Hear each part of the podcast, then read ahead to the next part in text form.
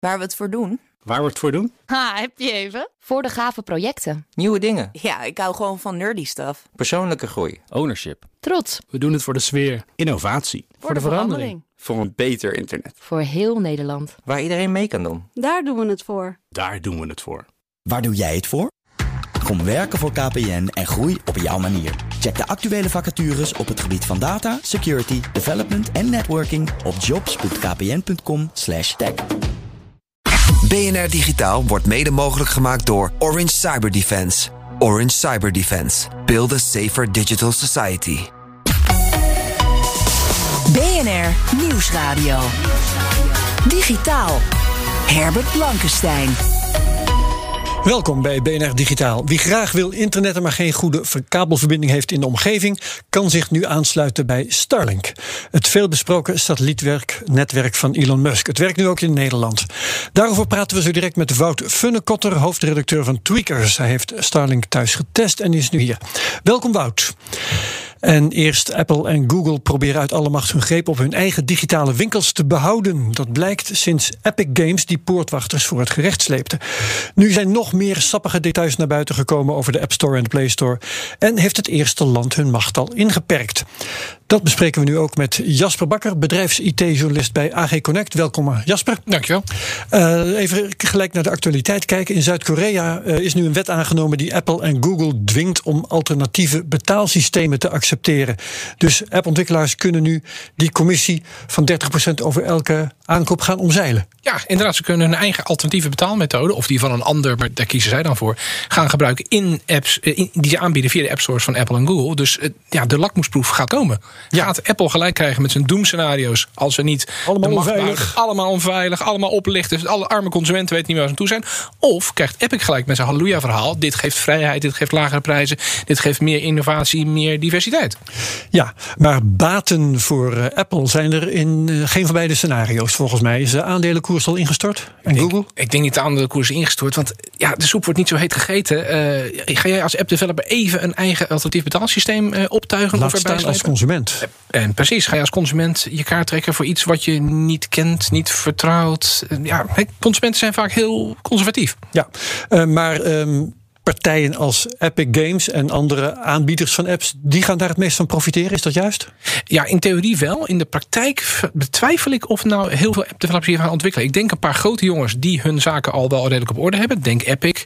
Uh, misschien een partij als Steam, die op PC-platform gaming heel groot is, uh, op mobiel niet.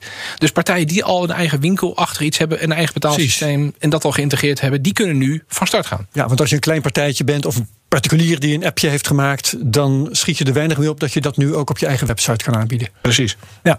Um, Wout Funnekotter, je volgt die zaak natuurlijk ook. Verwacht jij dat door zo'n overheidsbesluit die walled gardens uh, opengaan? Nou, dit is natuurlijk maar één land. Hè. En ik weet, ik zou even niet goed kunnen zeggen hoe groot Zuid-Korea is en hoe belangrijk het is voor Apple en Google. Maar, nee, maar de tendens in Amerika bijvoorbeeld is toch ook in die richting? Ja, precies. En, en dit is natuurlijk de eerste keer dat we echt uh, op actie zien overgaan. En er wordt in Amerika al lang gepraat over deze bedrijven zijn te groot, die hebben te veel macht, die ja. ecosystemen zijn afgeschermd. Dezelfde discussies zijn er binnen Europa. Um, dus ik kan ook zeggen dat dit de eerste domino-steen is. En dat andere landen nu denken, oh wacht eens eventjes. Uh, misschien moeten wij ook hier maar echt gas op geven. En, en, en ja, uh, dit voorbeeld volgen. Ja, en uh, we hadden het er net over de veiligheid. Uh, Jasper, jij zei het zelf al. Hè? We gaan uh, in Zuid-Korea nou zien of Apple gelijk heeft met de vraag, met, met de bewering dat buiten de App Store apps halen dat het niet veilig is. Dat het wilde westen is. Maar wat is jouw inschatting? Ik denk dat dat daar ook wel weer meevalt. Het is natuurlijk het belang van Apple om te zeggen: onze omgeving is de beste, onze omgeving is de veiligste. Heeft Apple daarvoor een gedegen onderzoek gedaan van alternatieve betaalmethoden, alternatieve app stores? Nee. Uh, is ook niet in het belang van Apple natuurlijk. Hè. Wat dat betreft, ja. niet, niets zakelijks is uh, ook een groot bedrijf als Apple vreemd. Ja. Hoe is eigenlijk Google hier in, in, dit verhaal terechtgekomen? Want Android begon toch ooit als een open platform. Het voordeel was toch hè, dat iedereen ook buiten zo'n Play Store is die intussen gaan heten. eventueel apps kon gaan halen. Ja, en, en het hele sideloading is op Android een mogelijkheid. Terwijl het op, eh, op Apple, op iPhone is het, ja, dan moet je eerst je van diep gaan zien de route. Ja. Met een kwetsbaarheid die, ja, wacht even, kwetsbaarheid die wil toch gefixt hebben, gedicht hebben. Maar ja, dan kun je niet meer sideloaden, uh, alternatieve app stores gebruiken. Maar er zijn dus recent ook in de VS, uh, wordt er aan deze stoelpoten van app stores gezaagd. In de VS is recent gebleken dat Google Samsung toch wel heeft weten te verleiden om hun eigen Galaxy App Store toch maar. doe maar niet, jongen. Doe maar niet op je leven op je toestellen. Doe maar niet te veel promotie aangeven. Sluit je gewoon aan bij de hele grote Android. En met, met wat voor zachte drang doen ze dat? Nou ja, eh, het Project Hug, zoals het intern eh, werd genoemd. Uh, dus het is niet alleen maar de stok. Omhelzing. maar ook omhelzen, inderdaad. Meebetalen aan bepaalde dingen. Kortingen bieden. prominente posities bieden. Gewoon te vriend houden. Ja, doe me eigenlijk denken aan. Hoe ging dat ook ooit met browsers en met icoontjes op de desktop van Windows 5? Uh, ja, ja, nou, dat, ja, daar werd met, werd met paardenhoofden gewerkt, volgens mij. Ja, ook. ook. ja, Google doet meer dan wat jij nu zegt. Hè, want Google betaalt ook gewoon telefoonmakers, gamebedrijven om uh, hun, uh, hun uh, bidding te doen, zoals dat in, in het Engels heet. dus sluiten deeltjes met partijen als Netflix om die commissie toch te verlagen. Dan is, strijkt Google de hand over het hart. Waarom krijgt Netflix het wel voor elkaar en Google en andere partijen niet? Ja, naam, bekendheid en, en doelgroep, of niet doelgroep. Omvang. Gebruikers al, captive audience. Netflix heeft zoveel miljoen gebruikers. En Netflix zou je kunnen zien als een redelijke killer app. Stel dat jij een mobiel ja, dus platform een soort kwantumkorting eigenlijk. Precies. Stel je hebt een platform en daar is Netflix niet op beschikbaar. Stel je hebt een platform, daar is TikTok niet op beschikbaar. Dan is jouw platform minder interessant voor hoorders consumenten. Daarmee minder interessant voor hoorders developers. Nou ja, eh, vliegwielwerking. Dus ja, zo'n grote partij. Kijk naar supermarkten en huismerken versus Coca-Cola of Heineken. Ik wou het net gaan zeggen eigenlijk, ja. Nou, ja, zo werkt het dus. Oké, ehm, intussen heeft een groep Amerikaanse appontwikkelaars een zaak gewonnen tegen Apple. Ze krijgen nu geld en mogen gebruikers buiten de app uh, om gaan vertellen dat je ook rechtstreeks kunt betalen. Um, maar dat wordt dus wel extra ingewikkeld gemaakt. Um, wat betreft het bekendmaken van die mogelijkheid. Wout, waarom uh, is het op zo'n manier geregeld? Dat uh, heeft Apple dan ja, toch weer bedongen? Ik vind het echt heel mager wat eruit is gekomen. Want inderdaad, ja. eigenlijk geeft Apple nou, een paar millimeter toe. Maar alles wat ze zelf belangrijk vinden, dat, uh, dat, dat mogen ze houden. En ja, ik, uiteindelijk vind ik het um, van de zotte dat, dat je als appontwikkelaar niet mag zeggen in je eigen app, jouw product, hè, uh, jouw visie, van je kan eventueel op die website ook iets afsluiten. Um, ja. ja, en, en ja, je kan via een omweg nu mensen wel wat gaan vertellen, maar eigenlijk gaan ze er nog niet achter komen. Dus ik vind het een beetje een wassen neus. Jasper. Ah, en nog een, een, stapje verder. Ik weet nog dat ik ooit een, was het Spotify of het Netflix, de app installeerde. En ik start de app op en ik krijg een inlogscherm te zien. Maar ik heb helemaal geen account. Hoe, hoe moet ik inloggen? Dat, hoe moet ik een account aanmaken? Dat kan hier dus niet. Nou wist ik, dan moet je naar de website gaan, daar moet je een account aanmaken en je creditcardgegevens, want die gaat betalen. En dat was dus dan zonder die 30%. Maar het is dus niet alleen maar als app developer ah. mag je het communiceren, maar je mag ook niet zeggen: ga hier okay. je, je betaalgevers invoeren, want dan gaat die 30% tax gaat van. Dus de truc was hier dat de maker van de app het uh, onmogelijk had gemaakt om in de App Store te betalen. Nou, alleen, niet, alleen het alternatief niet in woorden mocht duidelijk maken. Precies. Nou, de app developer had ervoor gekozen om niet betaling in de App Store te doen, want dan moest hij 30% gaan afdragen. Ja. En wat doe je dan met je eigen aanbod op je eigen website? Je, die moet dus ergens 30% in, inleveren en ergens anders niet. Dus liever heb je dat iedereen daar gaat betalen en niet daar. Maar de regels waren dan, dat mag je de gebruiker niet vertellen. Precies, precies.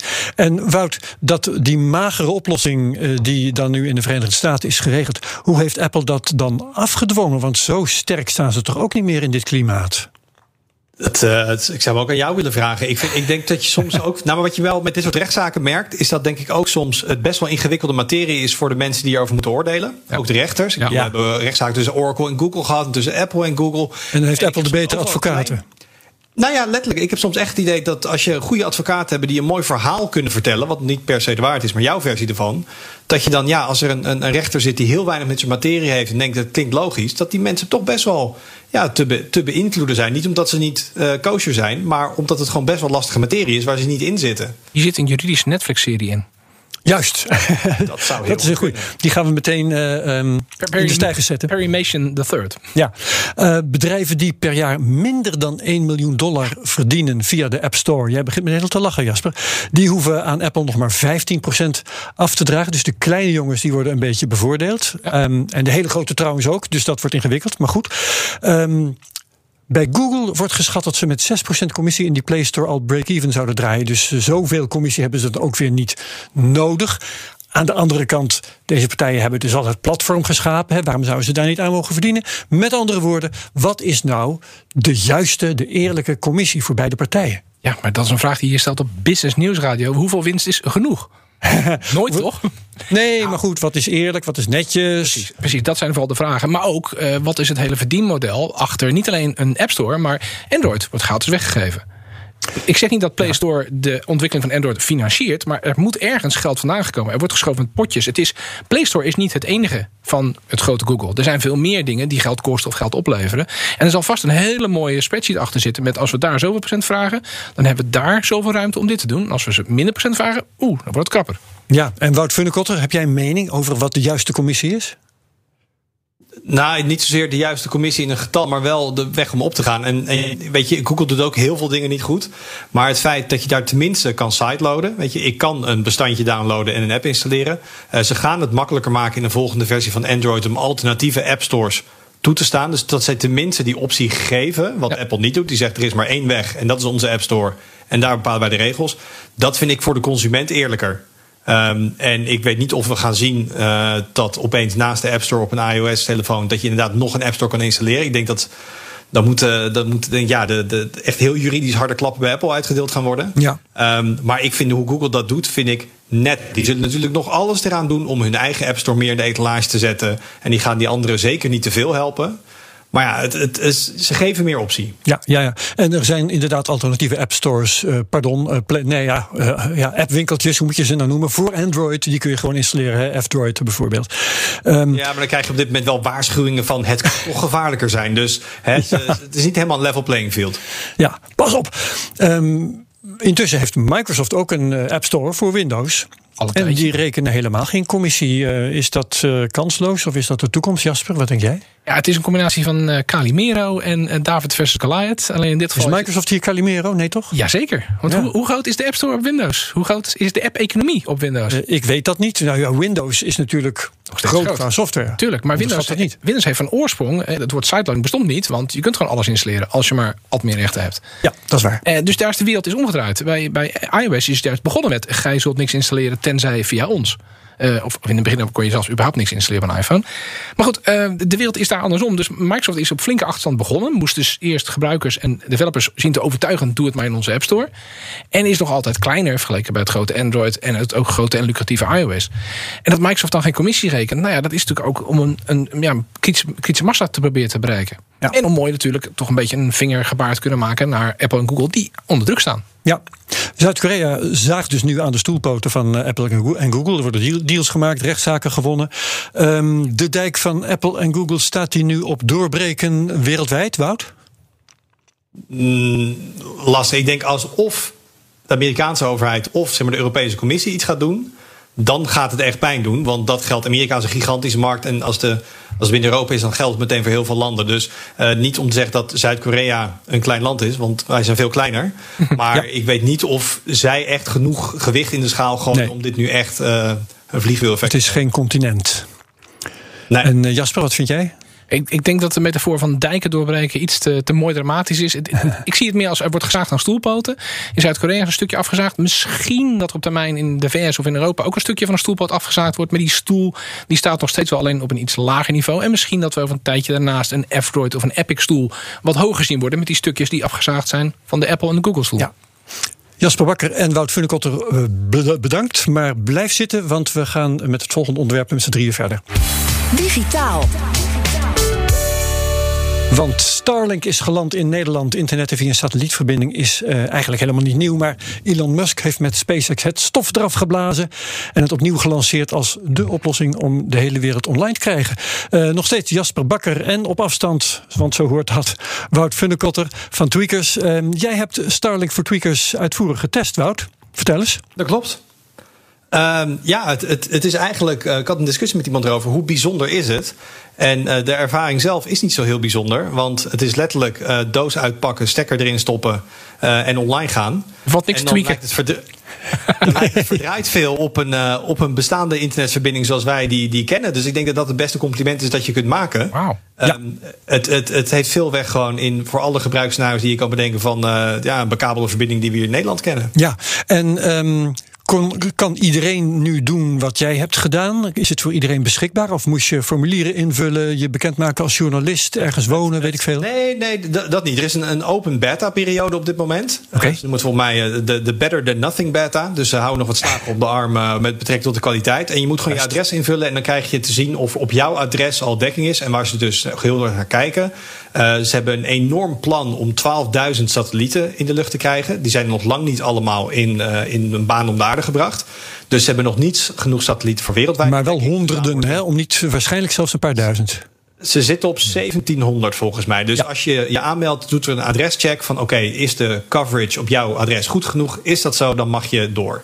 Ja, en ik heb een keer begrepen dat als je zo'n set hebt, dat je dan ook je adres moet invullen en dat je dan een straat verderop al geen uh, dekking meer hebt als je je spullen daar naartoe meeneemt. Dus het wordt nou, gegeofenced. Zo erg is het niet. Nee? Zo erg is het niet, maar ze willen dus wel er zeker van zijn dat als ik denk, ik zet dat ding uh, uh, op mijn caravan, ik ga naar Zuid-Frankrijk en ik word boos want ik heb geen internet, ja. omdat daar de ontvangst niet is. Dus nu zeggen ze, het is ge, ge, ja, eigenlijk, maar dat is tijdelijk, zeggen ze. En tegen de tijd dat het hele netwerk operationeel is. En dat wordt heel interessant dus tegen die tijd. Zou je dus dit ding op kunnen pakken, achter in je auto kunnen gooien, naar weet ik niet waar op de aarde rijden. Je pakt hem uit en je bent online. En dat is natuurlijk heel interessant, maar daar zijn we nog niet. Nee, goed, dat is een wenkend perspectief. Jasper. Kijken ze ook naar je adres uh, met hoogte en hoge gebouwen om je heen? Vraag ik me even af. Nee, dat, uh, dat moet je zelf uh, bepalen. Dus er zit ook een appje bij. En dan kun je zeg maar. Uh, dan moet je een soort. een, je telefoon richting de hemel richten. En dan een rondje ja. draaien. Dan gaat hij scannen, gaat hij kijken. Ja. Want het is eigenlijk gewoon een line of sight verbinding. Precies. Dus er moet een rechtstreekse zichtlijn zijn tussen de schotel en de satelliet. Dus als jij in een, een mooie blokhut in het bos hebt. met allemaal hoge bomen om je heen. dan wordt het verdraaid lastig om dit goed werken te krijgen. Want er zijn er gewoon veel te veel obstructies. Ja. Uh, dat, die check doen zij niet. Dat moet je zelf doen. Ja, ik denk als je hem niet werkend krijgt, stuur hem terug. Ja, dan zijn we meteen waar we wezen willen. Want jij moet ons nu gaan vertellen of het goed werkt. Nou ja, ik heb, het dus, ik heb standaard uh, gewoon een kabelverbinding thuis. Ja. Uh, dus dat is mijn, mijn referentie. Zeker. Um, en, en, en, en wat ik zeg, ja, mijn kabelverbinding is dan 300 megabit down. Nou, ik haalde ongeveer 150 met Starlink. Oeh. Dus de helft, maar dat is nog steeds hartstikke snel voor een moderne internetverbinding. Kun je wat mee, ja. Um, wat vooral het traditioneel het grote probleem was met satellietinternet, was de vertraging, ja. de latency. Ja. Oh. Want die, die traditionele satellieten hangen op 35.000 kilometer hoogte. Dus puur vanwege de, de lichtsnelheid zit je al een halve seconde te wachten voordat een pakketje op en neer gaat.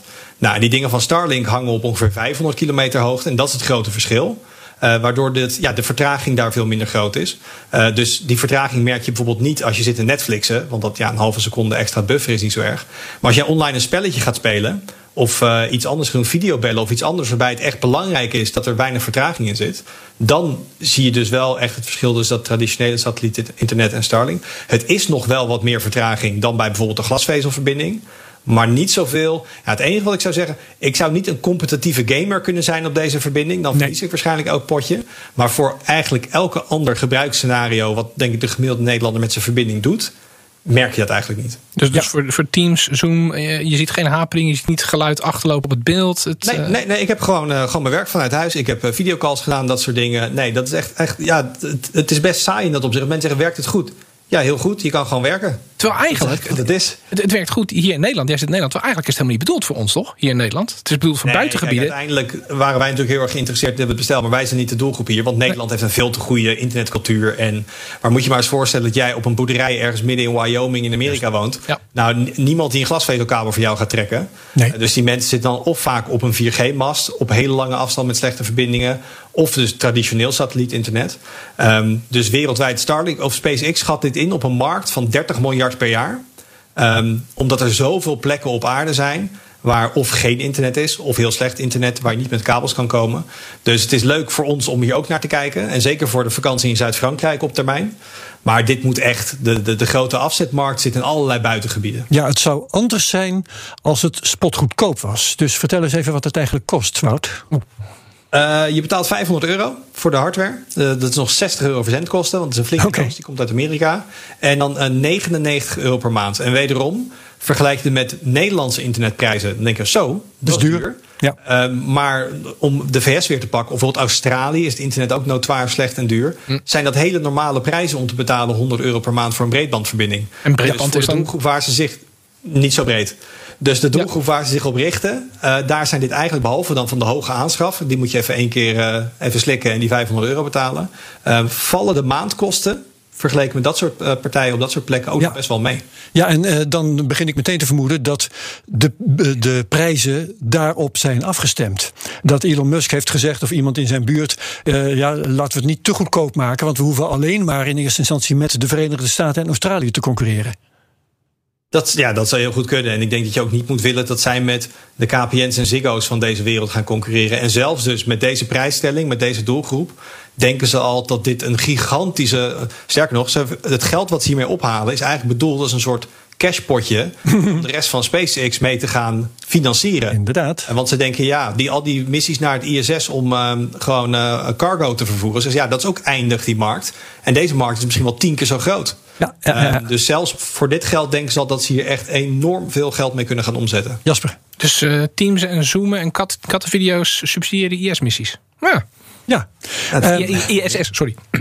En uh, Wout, ik, um, ik hoorde jou zeggen, we moeten niet willen dat ze KPN gaan beconcurreren. Waarom eigenlijk niet? Ik wil dat wel, want het zou voor ons dan nog goedkoper kunnen worden. Nou ja, ik zie, ze mogen doen wat ze willen van mij, maar ik zie het niet snel gebeuren. Omdat ah. je houdt dus die inherente vertraging, ook al staan die satellieten dichterbij ja, ja, dat licht, je hebt die lichtsnelheid. En over een glasvezelkabeltje op land gaat hij het altijd winnen van... ook al gaan ze die satelliet nog veel beter maken. Je hebt met natuurkunde te maken. Dus ik zie dat gewoon uiteindelijk. En waar het ook mee te maken heeft... en dat is wel trouwens echt een, een, een kritiekpunt op dit hele idee... is dat een glasvezelkabel leg je eenmalig. Deze satellieten hebben een levensduur van vijf tot zeven jaar. Hmm. Want ze zitten zo dicht op de aarde dat ze eigenlijk constant uh, door, de, door de zwaartekracht aangetrokken worden. Dus ze moeten constant bijboosten om in de lucht te blijven. Maar na vijf tot zeven jaar is de brandstof op. Uh, dan valt die terug in de atmosfeer en dan brandt die op. Dus ze moeten voor, om die 12.000 satellieten constant in de lucht te houden, zullen ze dus op termijn elke paar weken een nieuwe raket de lucht in moeten stoppen. Precies. Om gewoon satellieten te vervangen. Want als jij zegt de levensduur is zeven jaar, dan moet je dus elke zeven jaar moet je die 12.000 satellieten allemaal opnieuw lanceren. Ja, dus echt qua duurzaamheid is dit, ga je echt je nekharen van overeind staan. Ja. En dat is dus inherent aan het feit dat ze zo dicht op de aarde zitten. Want als je een ouderwets satelliet, ja, die, als hij helemaal in zo'n, in zo'n baan zit, die valt echt niet terug naar de aarde. Dus um, er is ook best wel wat kritiek op dit systeem. Zeker, want uh, Jeff Bezos wil ook zo'n netwerk inzetten. En er zijn andere bedrijven die willen ook al die satellieten lanceren. En dat is niet zonder consequentie natuurlijk allemaal. Ja, dat, dan kun je alleen nog hopen dat, um, dat de innovatie ervoor zorgt dat ze een volgende generatie misschien wat hoger kunnen ophangen. Nou, dan kom je weer met die vertraging. Dus ja, ik denk dat de innovatie is dat, dat ze meer, uh, meer brandstof of een andere soort brandstof gaan gebruiken, waardoor die misschien 15 jaar mee kan, bijvoorbeeld. Uh, ik denk dat, je, dat we daarop moeten gokken. Um, en natuurlijk met elke keer als er nieuwe satellieten bijgeplaatst moeten worden of vervangen, gaat er weer zo'n raket de lucht in. Dat is ook niet echt helemaal lekker voor het milieu. Uh, dus we maken ook echt wel, er wordt echt wel offers gemaakt aan andere kanten om dat hele leuke, snelle satelliet-internet bij consumenten te krijgen. Ja, uh, sorry Jasper, je had nog een vraag aan Wout volgens mij. Ja, uh, hebben we nu ook verbinding via jouw Starlink-verbinding met jou? Nee, ik heb hem uh, wel even afgekoppeld toen ik klaar was met de test en dat soort dingen. Dat heeft er puur mee te maken. Er komt een 30 meter uh, lange kabel van dat ding vandaan. Ja. En als je dat permanent doet, moet je gewoon een gaatje in je buitenmuur boren. Ja. Dat had ik niet gedaan. Dus er moest constant moest de balkondeur openstaan. Daar werd mijn vrouw een beetje gek van. uh, dat de balkondeur niet meer dicht kon. Dus die was heel blij toen ik klaar was met testen. Ja, maar we hebben hier vanwege die, die horizon, hè, die vo volledig onbelemmerde blik die je nodig hebt, heb je, wel, heb je hier in Nederland wel behoorlijke beperkingen in waar dat eventueel zou kunnen. Even los van de concurrentie van die fijne glasvezel die we hebben.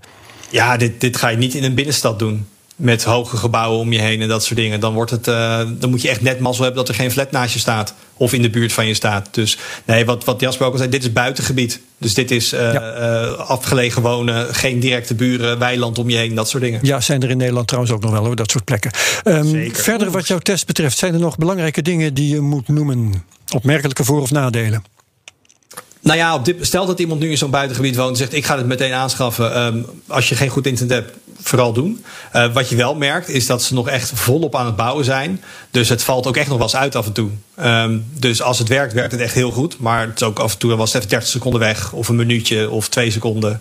En dan weer drie dagen goed. Dus de stabiliteit op dit moment, omdat nou, ze zeggen het is beta. Um, dat, dat, die, ja, die naam doen ze wel eer aan. Dus als mensen nou meteen helemaal enthousiast worden, weet wel dat dat nog speelt. Waarvan ze natuurlijk wel zeggen, als dit eenmaal helemaal klaar is en uit beta, dan moet het natuurlijk wel gewoon 24 uur per dag werken. Ja, Jasper, ben jij overtuigd? Nou, nog niet helemaal. Uh, ik zit op een kabelverbinding in een buitengebied. Uh, koper nog. Uh, dus ADSL-kabel. Toen waar het zei maar 150, dacht ik zucht. 150 megabit. I wish. Maar het is, ja, er zit te veel haken en ogen nog aan. En, en precies wat Wout ook zegt, het is niet voor ons bedoeld eigenlijk. Dus als, als tester, als tweaker, goed dat jij het gedaan hebt. Ik ga het niet doen. Oké, ik dank jullie allebei. Wout Funnekotter van Tweakers en ook Jasper Bakker van AG Connect. Nou, BNR Digitaal kun je terugluisteren via bnr.nl, onze app, of waar je ook maar luistert naar je podcasts. En dan vind je ook die andere die ik ook maak: de Cryptocast, de Technoloog en Space Cowboys. Wat BNR Digitaal betreft, heel graag tot volgende week. Dag. BNR Digitaal wordt mede mogelijk gemaakt door Orange Cyber Defense. Orange Cyber Defense. Build a safer digital society.